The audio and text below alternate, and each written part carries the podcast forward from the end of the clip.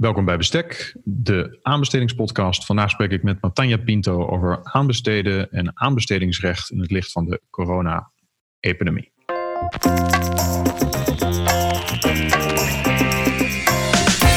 Welkom bij Bestek, de podcast voor de aanbestedingswereld. Deze serie biedt inzicht in onderzoek. Meester Dr. Willem Jansen van de Universiteit Utrecht bediscussieert de uitdagingen van het aanbestedingsrecht. Samen met zijn gasten gaat hij voor u op zoek naar oplossingen. Dit is Bestek, de aanbestedingspodcast. Het coronavirus beheerst momenteel veel onderdelen van ons leven. Het heeft ook een impact op de aanbestedingswereld en de professionals die met het aanbestedingsrecht werken. Wat doen we bijvoorbeeld met termijnen? Wat is bijvoorbeeld dwingende spoed? Vragen die in deze aflevering centraal staan. De kernvraag van deze aflevering is welke ruimte het aanbestedingsrecht nu precies biedt om goed om te gaan met deze veranderende en wellicht nog steeds veranderende omstandigheden tijdens deze pandemie. Ik spreek daarover met meester Matanja Pinto, advocaat aanbestedingsrecht bij Develop Advocaten te Amsterdam. Tijd voor een podcast met dwingende spoed.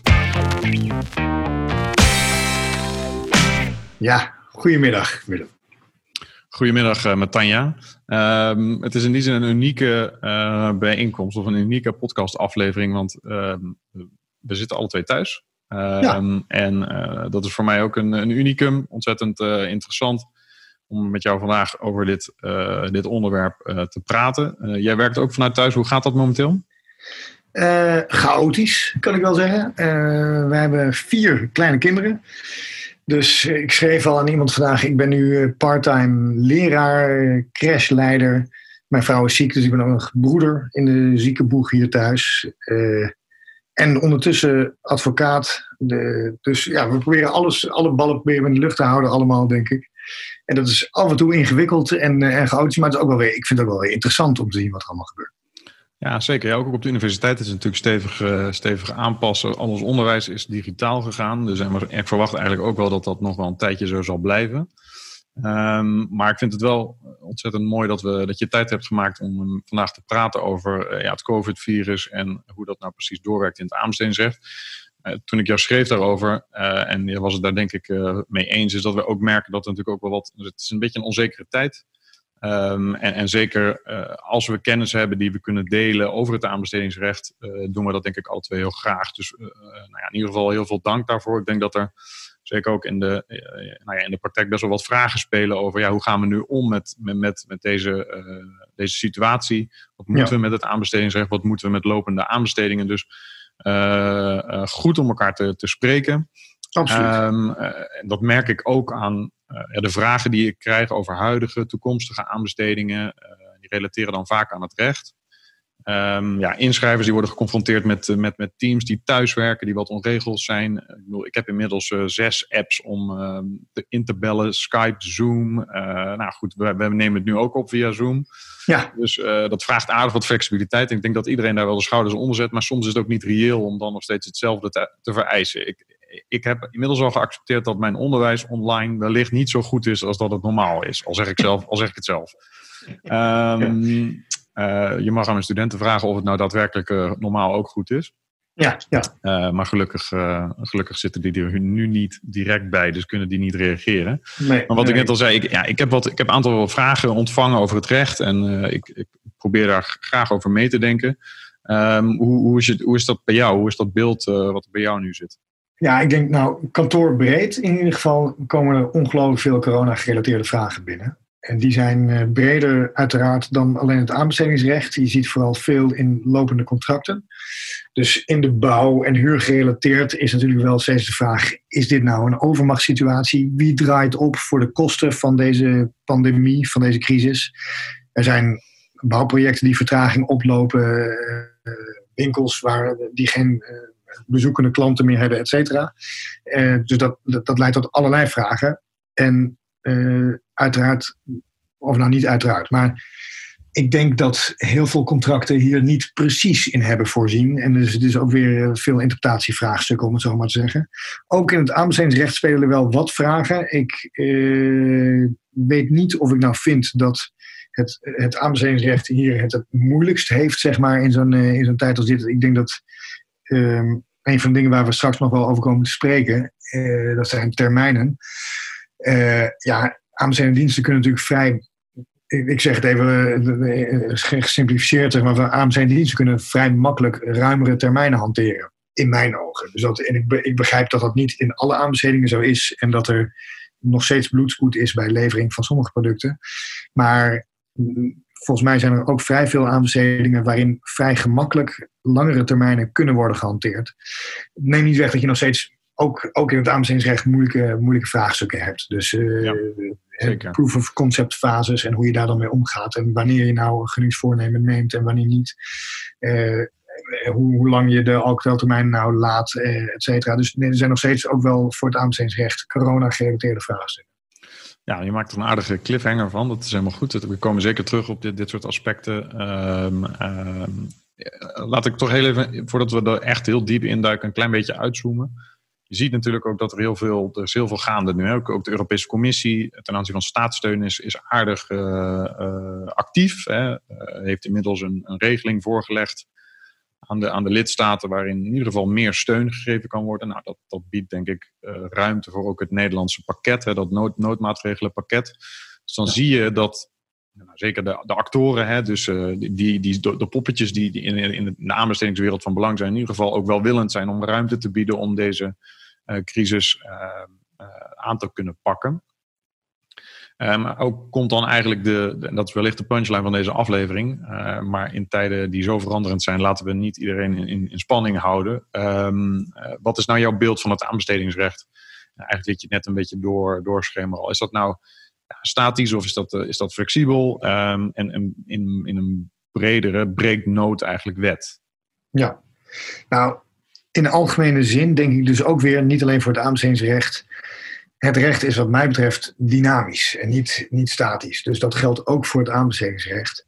En volgens mij zien we in de geschiedenis überhaupt al noodbreekt wet. Ja, dus dat de, dus, en, en bovendien geldt daar bovenop nog eens dat ik denk, het aanbestedingsrecht voorziet in zo ontzettend veel mogelijkheden dat uh, er is genoeg flexibiliteit.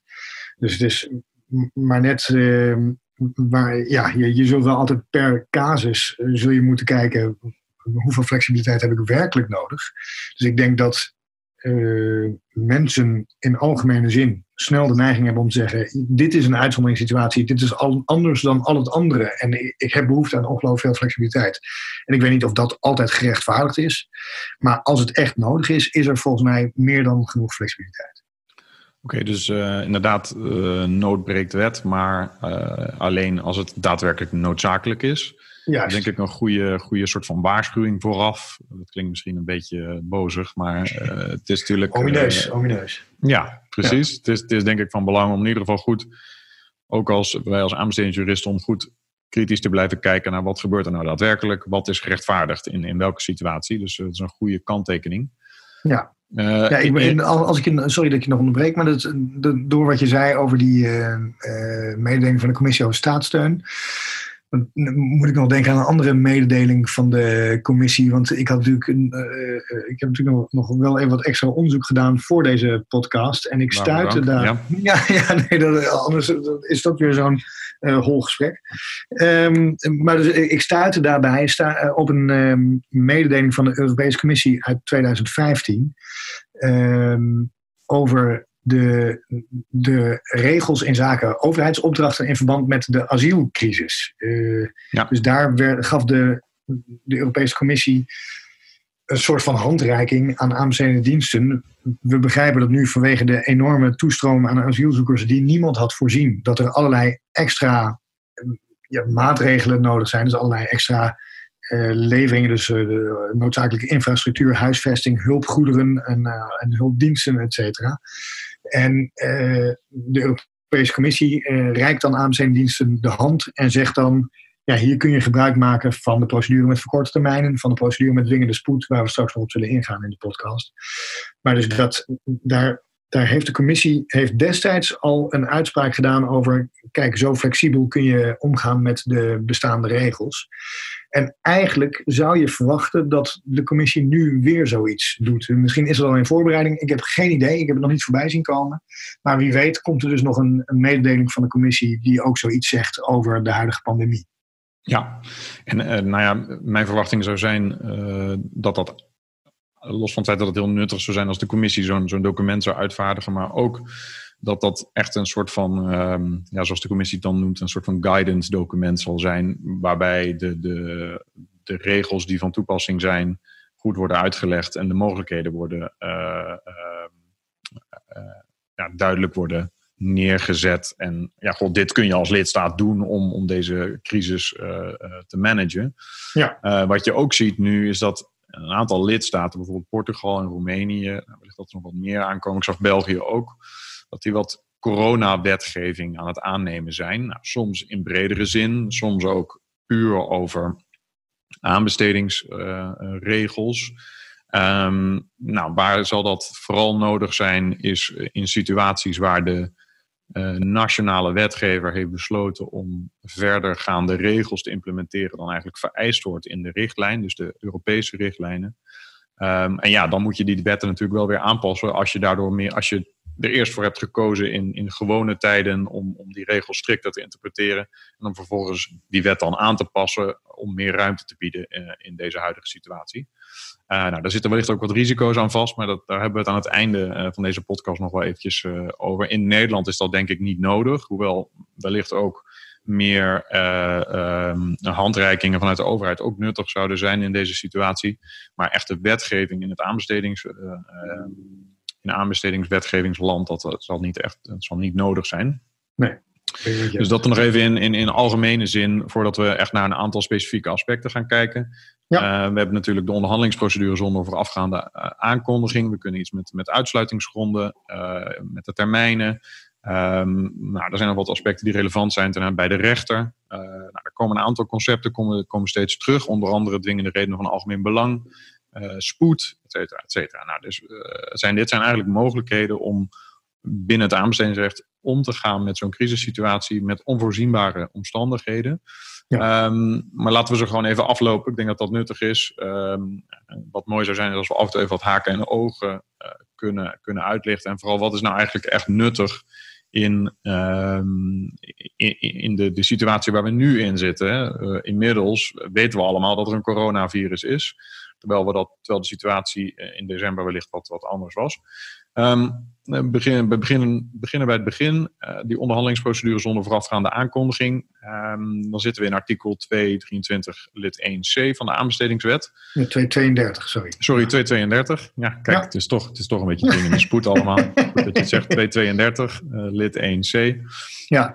Um, heel kort, er zijn natuurlijk wat voorwaarden waaraan die procedure moet voldoen. En als je hem wil gebruiken, moeten er wel bepaalde omstandigheden uh, zijn. Ja. Uh, wat houdt, heel kort, wat houdt die procedure precies in?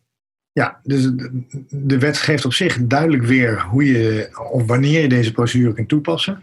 Daarin zijn even samengevat drie uh, criteria genoemd, uh, of drie vereisten genoemd. Dus de dwingende spoed moet het gevolg zijn van gebeurtenissen die niet konden worden voorzien. En de dwingende spoed moet het gevolg zijn van gebeurtenissen die niet aan de aanbestedende dienst zijn te wijten. En uh, bovendien uh, moeten niet de, de dus als je een aanbestedingsprocedure met verkorte termijnen kunt voeren, dat is namelijk ook nog een mogelijkheid in artikel 274 en verder. Je, je kunt de termijnen van een gewone aanbestedingsprocedure verkorten. Als, je dus, als dat nog zeker niet snel genoeg is, dan pas komt je een beroep toe op de dwingende spoed. En dan, dus daar, daar moeten we het misschien nog eventjes over hebben. Dus hoe, hoe die procedure dan werkt, zal ik zo zeggen. Nog eerst even één dingetje over deze 232-procedure. Uh, je wordt als aanbestedende dienst ook geacht een proces verbaal op te stellen waarin de omstandigheden staan die het uh, gebruik van de procedure rechtvaardigen. En dat is dan uh, zo'n procesverbaal ex artikel 84 lid 1 sub f van de, van de richtlijn. Dus die moet ja, je dan dus toesturen. als, als, als aanbestedende dienst in ieder geval goed noteren en goed bijhouden wat, er op, wat de reden was op dat moment en de omstandigheden ja. waarom je dacht dat je deze procedure kon, uh, kon gebruiken. Juist, juist, ja, precies. En dus, dus, dan moet je uitleggen, ja, deze gebeurtenis kon ik niet voorzien. En deze gebeurtenis is ook echt niet aan mij te wijten. En bovendien, het moet, want eigenlijk die verkorte procedure, uh, dat is als je de termijnen bij elkaar optelt, komt dat neer op ongeveer een maand. Dat is dan de allersnelste procedure, procedure die je kunt voeren. Ja, dus als het en het moet binnen een maand moet ik deze spullen hebben, moeten deze diensten aan mij worden geleverd. Ja, dan kun je zeggen, nu is er echt sprake van dringende spoed. Het moet gewoon nu gebeuren. Uh, en ik kan ook niet een verkorte procedure afwachten. Ja, precies. En dat begrip, dat begrip dwingende spoed, je kondigde dat net al aan. Er is, er is wat jurisprudentie over, maar ook weer niet heel veel. Nee, uh, hoe moeten we dat nou in de praktijk interpreteren? Ja, ja nou dat, ik vind dit altijd een. Uh, ja, voor mij als uh, advocaat is het, is het een interessant punt. Maar ik denk dat het voor AMC diensten minder leuk is. Maar ik, ik ken uit de Europese jurisprudentie geen enkele zaak waarin een beroep op dwingende spoed is gehonoreerd. En dat gaat heel ver, zeg maar. Dus dat een klassiek voorbeeld is de lawinehekkenzaak in Italië, waarin een dorp lawinehekken nodig had. En daarin, nou, ik, weet, ik, ik geloof in uh, juli of zoiets, was het rapport beschikbaar. Van een, een, deskundige die zei: hier moeten lawinehekken worden geplaatst, want anders wordt het uh, dorp overspoeld. Uh, zoiets, ik zeg het maar even simpel. Um, en dan moeten dus voor het winterseizoen moesten die hekken er zijn, dus in september. Dus dit dorp heeft toen gezegd: oké, we moeten nu gewoon een partij contracteren. Die gaat die lawinehekken voor ons bouwen. En het Europese Hof zei daarvan: ja, nee, dit is nou niet. Dit, hier is een beroep op dwingende spoed niet gerechtvaardigd. Want je had toch ook gewoon een verkorte procedure kunnen, kunnen. Kijk eens naar de tijdslijnen. In juli wist je dat het lawinehek moest worden gebouwd. We zien hier in het dossier dat in augustus uh, was de, waren de vraagspecificaties rond. Uh, dus nou, dan heb je nog tussen augustus en, uh, en september heb je nog een maand. Uh, ja, dan moet je het allemaal kunnen, dan moet je het allemaal nog kunnen regelen. Uh, ja, ontzettend streng. En dat, dat, dat zie je in, uh, in meer zaken. dus La Spezia is, is ook zo'n voorbeeld. Dat is over, over vuilstort, dat een, ook weer in Italië uiteraard, dat daar een, een afvalverbrandingsinstallatie moet, moet worden gerenoveerd. Want die afvalverbrandingsinstallatie doet het niet meer. En de overige uh, vuilstortplaatsen in de buurt, daarvan is er de vuilstortplaats die moet worden gebruikt, die lekt in het, uh, in het water dat moet worden gebruikt voor gewoon drinkwater. Um, dus is weer hier het idee, ja, deze, we moeten nu onmiddellijk die afvalverbrandingsinstallatie repareren, zodat we uh, de volksgezondheid kunnen beschermen. En ook daar zegt dan het Europese Hof weer, ja, nee, je wist toch al langer dat die afvalverbrandingsinstallatie uh, kapot was. Je, hebt nu een acute situatie, dat klopt. Maar je had gewoon veel eerder moeten repareren. En dan was deze acute situatie nooit ontstaan. Dus op die manier wordt steeds tegen aangegeven, wordt heel minutieus geanalyseerd. Is dit nou werkelijk dwingende spoed, ja of nee? En als je op die manier naar zaken kijkt, kom je bijna nooit aan dwingende spoed toe. Nou, dus dat, dat, dit klinkt onheilspellend voor AMC en diensten. Dit klinkt van, we gaan nooit een beroep op dwingende spoed kunnen doen. De Nederlandse situatie is wat anders, omdat Nederlandse rechters die lijken wat uh, pragmatischer. Dus die zeggen uh, bijvoorbeeld voor als, als er geen contract is met een partij die uh, zout kan strooien overwegen en het strooiseizoen komt eraan, ehm, dan is een Nederlandse rechter geneigd om te zeggen: ja, nee, dit begrijpen we, dit is dwingende spoed. Je moet gewoon nu zout kunnen strooien op Nederlandse wegen. Of in ieder geval bij jou de buurt. dus beroep op dwingende spoed is gerechtvaardigd. Eh, en in mijn ogen strookt dat niet helemaal met, die, met de Europese jurisprudentie. Volgens mij, als je weer daar zo minutieus analyseert, zoals de advocaat-generaal in Europa doet en het Europese Hof doet, kom je tot een andere conclusie. En zul je in de Nederlandse situaties moeten zeggen: nee hoor, een beroep op dwingende spoed is hier niet toegestaan. Maar Nederlandse rechters die uh, kijken dus volgens mij wat pragmatischer ernaar dan het Europese Hof. Ja, dan zie je toch weer dat het Europese Hof heeft dan echt een benadering van ja, dit is een uitzonderingssituatie. We hebben een regel, dat is je moet, je moet aanbesteden en dan moet je aan bepaalde voorwaarden voldoen. Alleen in hele strikt noodzakelijke gevallen, of als het echt strikt noodzakelijk is, of als er echt dwingende spoed is, mag je dit uh, toepassen. Dus je moet daar wel een beetje terughoudend in zijn, denk ik, als, uh, uh, als aanbestedende diensten. Aan de andere kant, ja, je zou natuurlijk ook een, een stevige bomen op kunnen zetten. Als je zegt van ja, we hebben nu echt extra medicijnen nodig, nu extra uh, mondkapjes.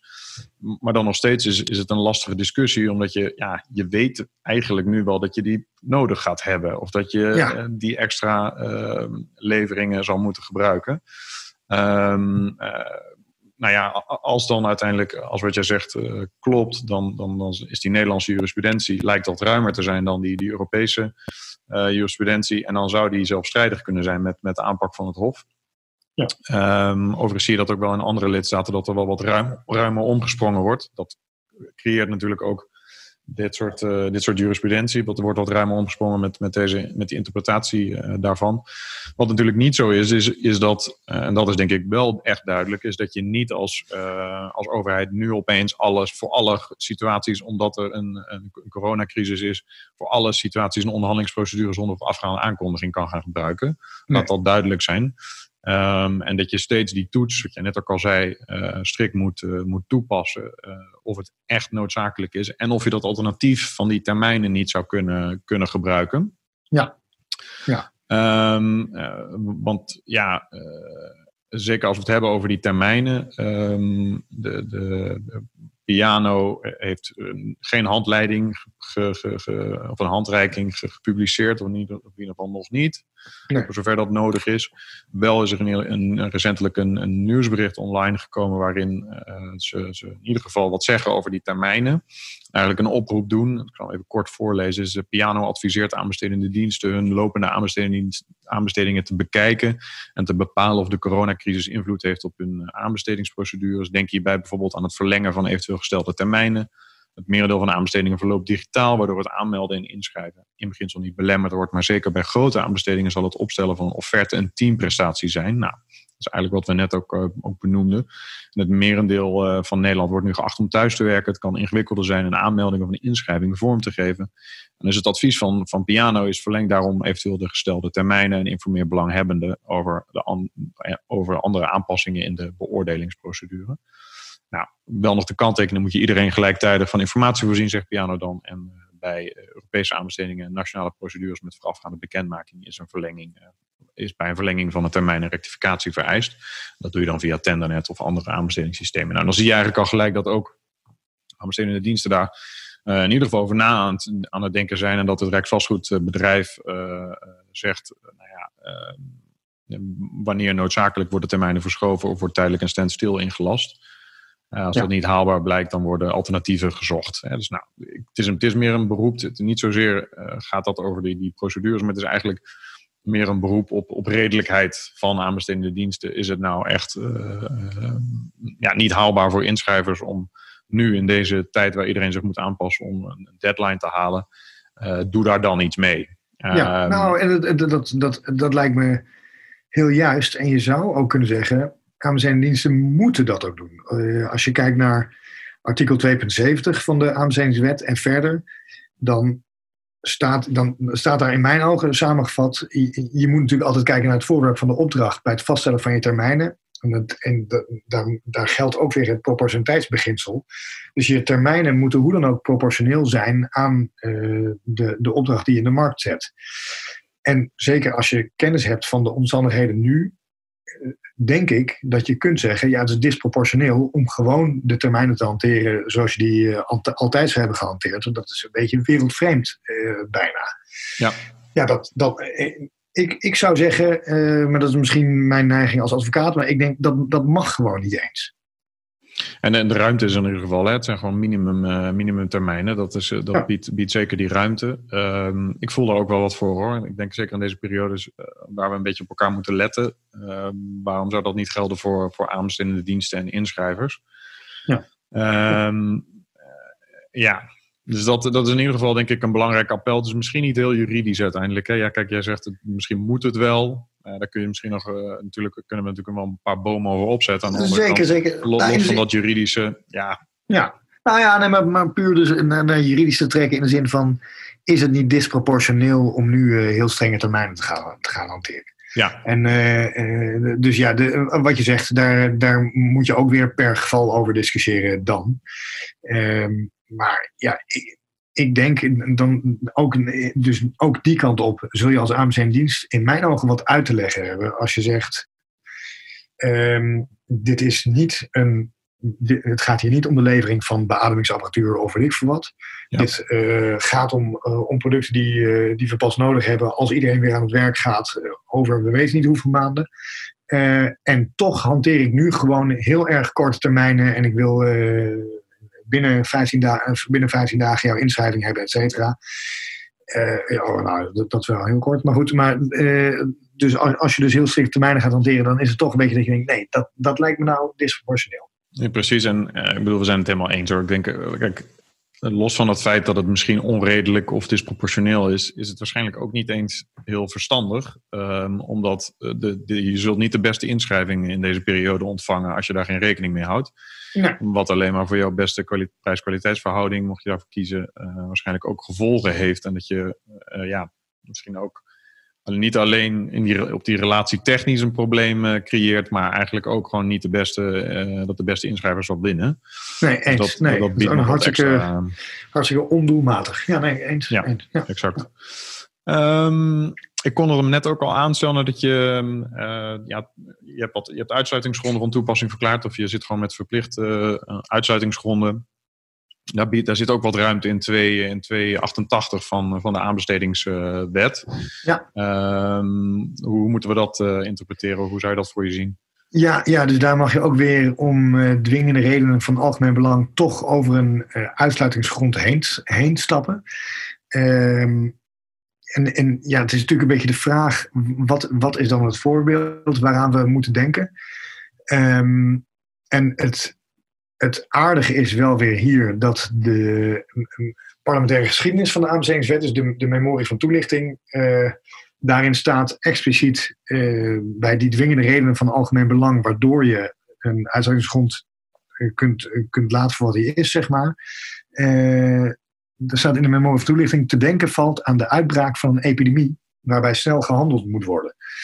Dus het, het kan zijn dat je dan zegt: Ik weet dat een uitsluitingsgrond van toepassing is op een bepaalde onderneming, maar omdat ik vanwege deze pandemie heel snel moet handelen, uh, gun ik toch de opdracht aan die partij waarop de uitsluitingsgrond van toepassing is. Ja, ik weet niet zo goed aan wat voor uh, situatie we dan concreet moeten denken. Uh, dus ja, stel je voor dat een partij alle vaccins opkoopt die voorhanden zijn door de ACM wordt beboet. Uh, en ja, dan zul je toch zeggen, ja, oké, dat, dat, dat zal er wel zijn. Dus daarmee is door die beboeting van de ACM Stel dat die ook nog eens in de tussentijd onherroepelijk is geworden, ja, dan is helemaal een uitsluitingsgrond van, van toepassing. Uh, maar ik wil toch die vaccins kopen. Dat kan dan op grond van, van 288. Ja, dat is misschien een heel erg theoretisch voorbeeld wat ik nu noem. Dus ik weet in, in, in de praktijk zullen we kijken of we dit echt gaan tegenkomen. Maar die mogelijkheid ligt er in ieder geval. Ja, nou, als ik spreek bijvoorbeeld met buitenlandse collega's in de wetenschap, wat daar bijvoorbeeld speelt is, stel dat er een partij voor corruptie veroordeeld is nou ja, dat, daar zit, en, maar die, die, die, maken wel medicijnen of mondkapjes, dat je daar toch nog mee zou kunnen contracteren. Nou, over risico's gesproken, wellicht dat we zo meteen nog op terug zullen komen, maar ja, er zit natuurlijk wel wat haken en ogen aan. Als je dan toch contracteert met partijen die bijvoorbeeld een slechte leveringsgeschiedenis hebben of uh, ja, wat gekke dingen doen in hun bedrijfsvoering, dan zit je daar wel aan vast. Maar goed, wellicht breekt dan de nood ook uh, ja, het feit dat je dat normaal probeert, probeert te voorkomen. Ja. Um, nou, tot nu toe zijn er in ieder geval, we hebben het gehad over die, die procedure, die termijnen, um, over, over uitsluitingsgronden. Um, wellicht wat, wat doelmatigheid en wat, wat rechtmatigheid. En als laatste, waar wij in ieder geval op konden komen in de voorbereiding van deze podcast, heb je natuurlijk de, de, de wijziging van huidige contracten. En dan springt eigenlijk artikel 263e gelijk uh, in het oog. Ja. Um, ja, ja, het moet daarbij gaan om onvoorzienbare omstandigheden, een zorgvuldige aanbestedende dienst. De algemene aard van de opdracht mag niet veranderen en die verhoging mag niet meer dan 50% zijn. Ja. Um, ja, dan lopen we weer een beetje aan tegen die onvoorzienbare omstandigheden, denk ik. Ja, dat, dat denk ik ook. Dat is weer. Eh, dat, wordt, dat is de bottleneck van deze bepaling, denk ik eigenlijk altijd. Uh, dus het is een, een, een, de wet zegt dan een zorgvuldige aanbestedende dienst kon deze omstandigheden niet voorzien. Uh, ja, dat, daar is inmiddels denk ik voor heel veel zaken is daar van nu geen sprake meer. Uh, dus we weer het voorbeeld van de beademingsapparatuur of zoiets. Het is niet geheel ondenkbaar dat we een tekort gaan krijgen aan beademingsapparatuur en IC-bedden. Dat, dat kun je nu als zorgvuldige aanbestedende dienst kun je dat nu al voorzien. En, en zeker als wij twee aanbestedingsdeskundigen dat kunnen voorzien. Ik denk dat de meeste uh, ziekenhuizen die aanbestedende diensten zijn, uh, dat die ook al in januari misschien wel konden voorzien. Uh, jeetje, die, die pandemie zou best eens heftig kunnen zijn. We moeten beademingsapparatuur gaan aanschaffen. Dus ja, als er al sprake is van enige nood, zou je zeggen, ja, de verkorte termijnen procedure, die moet je kunnen hanteren. Dan heb je, als je daar nu mee begint, vandaag mee begint, dan heb je over een maand heb je, uh, je aanbesteding afgerond. Dat, ja, dat klinkt nog snel genoeg. En sterker nog, die, die procedure had je al eerder uh, kunnen beginnen. Ehm, dus ja, dat je, uh, dat je dan moet, moet uitwijken naar een contract dat je al hebt en dat moet wijzigen. Uh, ja, ook daar kom je weer niet zo snel aan. Uh, maar goed, dit, dit, dit is een mogelijkheid. Ook hier is weer bij mijn weten nog geen jurisprudentie over. dus dat is voor, voor, ons in de praktijk allemaal nog, nog aftasten van ja, hoe gaat dit worden toegepast. Ehm, ja, dat, op zich is natuurlijk, als je gewoon kunt uitleggen, ja, ik kon het echt niet voorzien. Dit, kan je laten zien wat we, wat we hebben gedocumenteerd, wat er uh, destijds was. Ja, dan, uh, dan is die 50% nog best een ruime marge en dan kun je een eind komen. Ja, zeker. Maar het draagt in ieder geval bij aan de, de flexibiliteit, denk ik, van het systeem. Hè. Het is, ik vond van jouw opmerking aan het begin heel krachtig van hè, de, de nood breekt inderdaad de wet, maar wel uh, blijf scherp. Uh, dit, het is geen vrijbrief om in alle situaties contracten altijd maar te verlengen en elke procedure toe te passen die je eventueel zou willen toepassen. Ja. Um, ik, ik, heb nog, een, nog twee aspecten die ik, die ik graag nog met je zou willen bespreken voordat we bij een afronding uh, komen. Um, ja, we hebben natuurlijk ook te maken met een, een situatie waar de rechterlijke macht wat onder druk staat. En daarnaast uh, heeft de rechter wellicht ook wat ruimte om uh, toch uh, overeenkomsten die zijn gesloten in strijd met het aanbestedingsrecht, om die toch in stand te laten. En dan kom ik uit bij 4, 418 van de aanbestedingswet. En dan lijkt vooral ook dat aspect van economische belangen een belangrijke rol te spelen. Ja, ja. ja precies. Dus de, de recht die kan de vernietiging van een overeenkomst achterwege laten om dwingende redenen van algemeen belang. Daar heb je ze weer. Ja. Um, dus dan, dan laat hij de overeenkomst in stand, ook al is er sprake bijvoorbeeld van een. Uh, uh, ook al is er sprake van een omstandigheid die normaal gesproken tot vernietiging zou lopen. Um, ja, en dan, dan is dus daar hebben we wel iets van uh, parlementaire geschiedenis over, die dan zegt: wat zijn dan de economische belangen die als dwingende redenen kunnen worden beschouwd om vernietiging achterwege te laten. En dat mogen in ieder geval geen economische belangen zijn die rechtstreeks verband houden met de overeenkomst zelf. En, dat, en dus in de, in de memorie toelichting wordt dan gezegd: ja, dus kosten die voortvloeien uit vertraging bij de uitvoering van de overeenkomst, de kosten van een nieuwe aanbestedingsprocedure, de kosten die veroorzaakt worden door het feit dat een andere onderneming de overeenkomst uitvoert, dat soort zaken. En die vormen allemaal geen grond om vernietiging achterwege te laten. Dus het, uh, het, moet echt gaan om ja, wat, dus externere kosten die niet rechtstreeks betrekking hebben op de overeenkomst zelf. Ja, en dat zijn toch wel dingen waar we nu naar kunnen kijken, denk ik, in deze tijden van een, uh, van een pandemie. Dus dat dit, dit is een bepaling waar rechter misschien wel eens gebruik van zou kunnen gaan maken ergens de komende tijd. Dat er dus overeenkomsten bijvoorbeeld worden gegund zonder dat een procedure is doorlopen ja, dat, dat mag eigenlijk niet volgens het aanbestedingsrecht. En die zou dan vernietigd moeten worden, die overeenkomst. Maar dan zegt de rechter, ja, nee, dat begrijp ik. Maar goed, de levering van de beademingsapparatuur moet doorgaan. Dwingende reden van uh, algemeen belang. Dus uh, deze overeenkomst laat ik in stand. En dan lost het zich op misschien via schadevergoeding aan de partijen die gedupeerd zijn of iets dergelijks. Maar de ja. overeenkomst blijft bestaan. Ja, precies. Dus eigenlijk, oh, stel dat er nou een van de, de, de, uh, verschillende onderdelen uit de aanbestedingswet waar we het net over hadden, stel dat die nou uh, toch niet goed zijn toegepast of uh, nou ja, dat er überhaupt een andere fout is gemaakt, hè, wellicht onder tijdsdruk of dat soort problemen. Um, dan zou er eventueel ruimte voor zijn, ook over, je, je noemde de parlementaire geschiedenis, maar ook in het verdrag, in het Europese verdrag ten aanzien van de vrije verkeerregels, wordt ook expliciet ruimte geboden voor ja, uh, problemen met de openbare orde of de volksgezondheid. Uh, dus lijkt ja, dat aspect van dwingende redenen van algemeen belang, de, de basis ligt er in ieder geval. Ja. Uh, ja. Voor een rechter om daar ook juridisch gezien een steekhoudend verhaal over op te schrijven. Um, dat, dat tweede puntje, ja, kijk, we hebben nog niet te maken met sluiting van rechtbanken.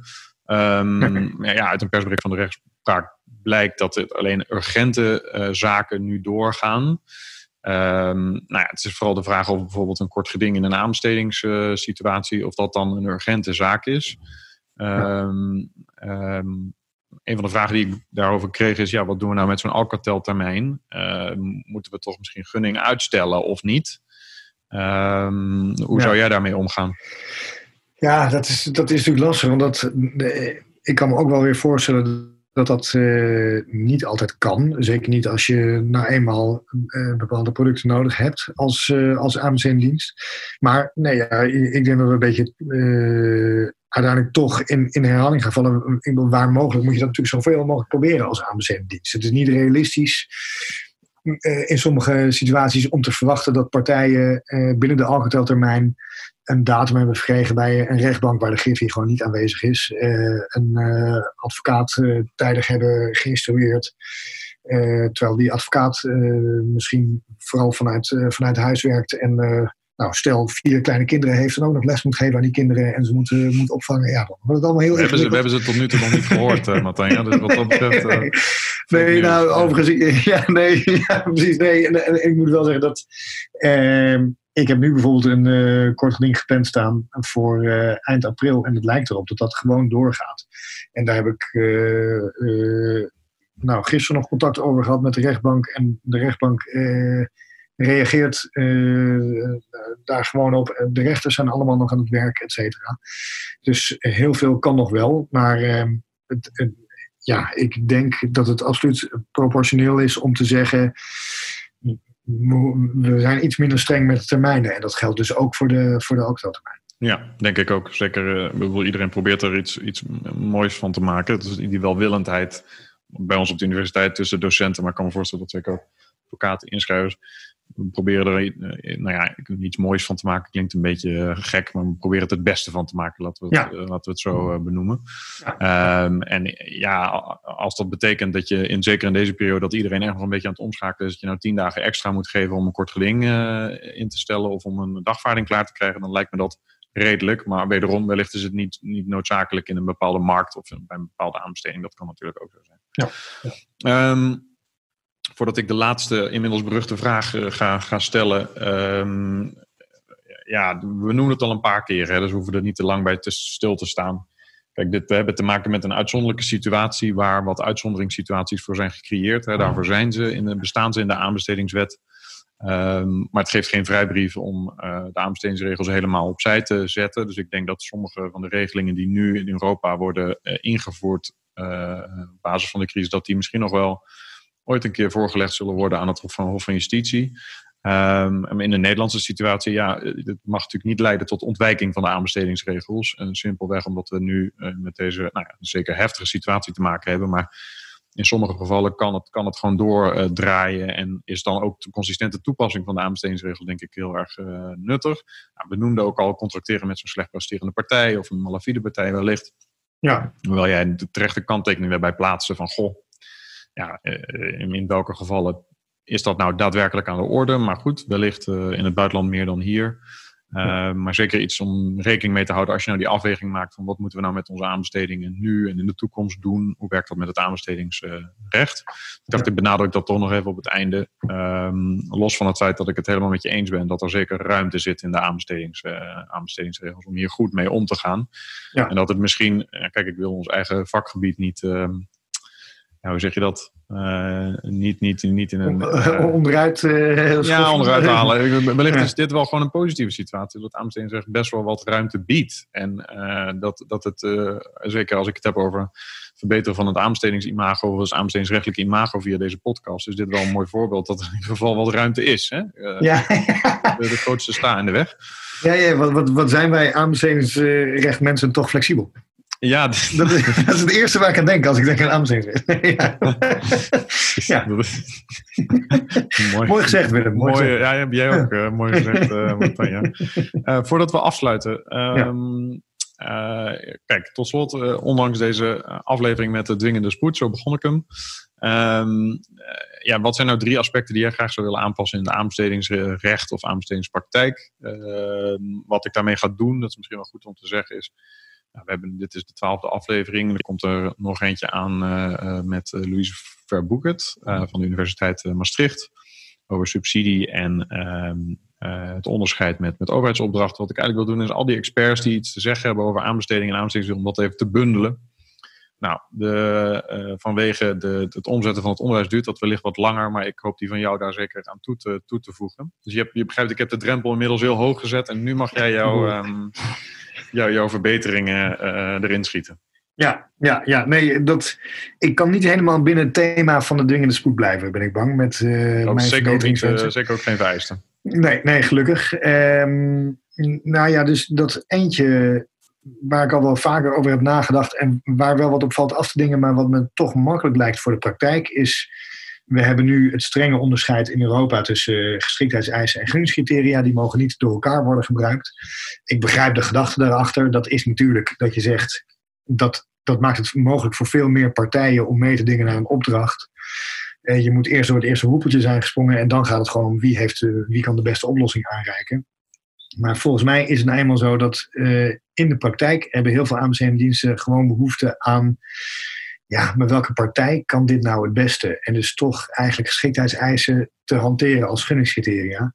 En ja, persoonlijk heb ik ook niet een heel groot bezwaar daartegen. Uh, en je krijgt nu dus allerlei geforceerde constructies als uh, best value procurement en andere gedrochten, waarmee dan toch nog wordt geprobeerd om eigenlijk een geschiktheidseis als gunningscriterium erin te fietsen. Van denk ik, ja, laten we gewoon hiermee ophouden. Laten we, laten we ophouden het leven zo moeilijk te maken voor onszelf en dat, uh, dat onderscheid gewoon op te heffen. Ja. dat is één verbetering. En, in ieder geval ook iets wat de Europese Commissie ook ter consultatie heeft voorgelegd aan de aan de lidstaten in het, in het Green Paper voorafgaand aan de aanbestedingsrichtlijnen. In ieder geval om dat onderscheid niet zo strak te hanteren. Ja, dus wellicht met een volgende richtlijn kan daar nog wel wat, ja, kan die discussie weer geopend worden. Ja, ja, dat lijkt mij heel welkom in ieder geval. Um, en dan een, een andere verbetering zou eh, en dat, dat is niet in wetgeving, maar dat zou het oprichten van een aanbestedingskamer zijn. Dus een, een rechtbank die is gespecialiseerd in, in aanbestedingsrechtgeschillen. dat zou volgens mij voor de praktijk van ons aanbestedingsrechtadvocaten het leven ook een stuk gemakkelijker maken. En vooral ook eerlijker voor heel veel partijen. Um, omdat nu op heel veel punten niet inhoudelijk wordt getoetst, waarvan ik denk ja, waarom eigenlijk niet? Waar, waarom wordt er niet wat inhoudelijker getoetst? Dus hier de commissie van aanbestedingsexperts, dat, uh, dat werkt eigenlijk best goed, moet ik zeggen. Dat leidt ook tot, een, uh, tot andere uitkomsten vaak. Uh, maar wel eerlijkere uitkomsten in, in mijn ogen. Dus dat is een tweede. Ja, dat, het is een beetje het, het, spiegelbeeld is dan de, de mededingingskamer die in Rotterdam hebt zitten voor, voor mededingingsgeschillen. Ja. als er een mededingingszaak is, ga je altijd naar Rotterdam. Uh, is dat dat nou, ik zeg maar wat, dat het dan altijd Den Haag of Midden-Nederland zou zijn voor, ja. aanbestedingsverschillen. Ja. Ja, ja, ja, precies. Nee, inderdaad. En Den Haag zou dan misschien wel voor de hand liggen, omdat daar al heel veel wordt behandeld. Dus uh, dat, nee, eh, helemaal eens. Het zou dan logisch zijn om zoiets in te stellen. of zoals de ondernemingskamer in Amsterdam, hè, dat is ook, ook een beetje zoiets. Um, en uh, ja, dat, ik weet dat ik, er, dat ik uh, drie mogelijkheden tot verbetering heb, maar ik, ja, ik kan dan toch niet uh, de neiging onderdrukken om, om er vier van te maken. Dus ik heb nog twee, als je het me toestaat. Omdat ik jou eergisteren vroeg om deze podcast op te nemen, krijg je een extra, een extra tip. Ja. dankjewel, dankjewel. Ja. Dus dat eigenlijk een, een gidsproportionaliteit-achtig stuk waarin aanbestedende diensten aan de hand worden meegenomen hoe ze, hoe ze omgaan met geringe omissies en het herstel van fouten. Dat, is volgens, dat zou volgens mij de praktijk ook, uh, ook erg dienen. En er zijn natuurlijk wel allerlei adviezen, blogjes, uh, er is ontzettend veel rechtspraak over, et cetera.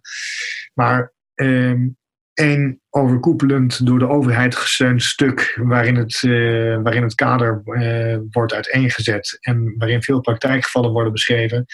Ik denk dat dat gewoon nuttig is. Dat dat dus zoals de gidsproportionaliteit met voorschriften, dat, er, dat partijen weten waar ze aan toe zijn. Allemaal, zowel inschrijvers als aanbestedingdiensten. Ja. Lijkt me nuttig. En dan uh, de laatste zou wat mij betreft zijn. Ja, ik, ik heb me wel eens over verbaasd. We hebben wel een standaard eigen verklaring, het uniform Europees aanbestedingsdocument. Uh, dus daar kunnen we kennelijk van zeggen dat uniformeren we. Uh, en dat is voor alle soorten opdrachten, et cetera, kunnen we daar één ding van maken. Waarom doen we dat niet voor meer stukken? Dat zou heel veel rust creëren, denk ik. heel veel aanbestedingsdocumenten bijvoorbeeld, ja, die zijn voor 80% gelijk aan elkaar. en, en volgens mij kun je dat uniformeren en daarmee het leven van inkopers en inschrijvers heel veel makkelijker maken.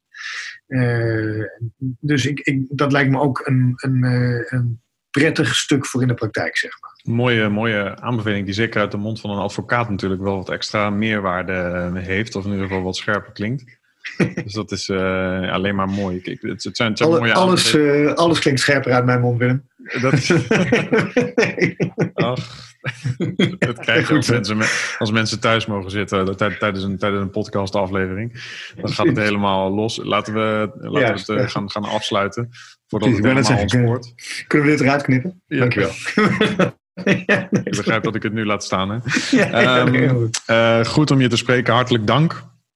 Ja, uh, leuk, uh, leuk om je onder deze wat gekke omstandigheden dit samen te kunnen, te kunnen doen en dat we dit hebben kunnen opzetten.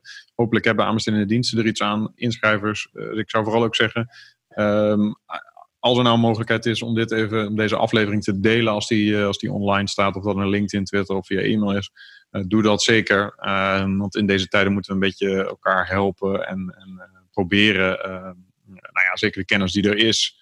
Uh, in ieder geval met elkaar te delen om die discussie te starten. Hè, dat je in ieder geval wat handvatten hebt om uh, goede beslissingen te maken in tijden van crisis. Um, daar wil ik het bij laten. Uh, dit was Bestek, de aanbestedingspodcast. Dit was Bestek, de aanbestedingspodcast. Wilt u ook bijdragen aan de discussie over het aanbestedingsrecht? Deel dan uw gedachten over deze of andere afleveringen op LinkedIn of Twitter. Heeft u een idee voor een aflevering? Laat dan een bericht achter op www.aanbestedingspodcast.nl.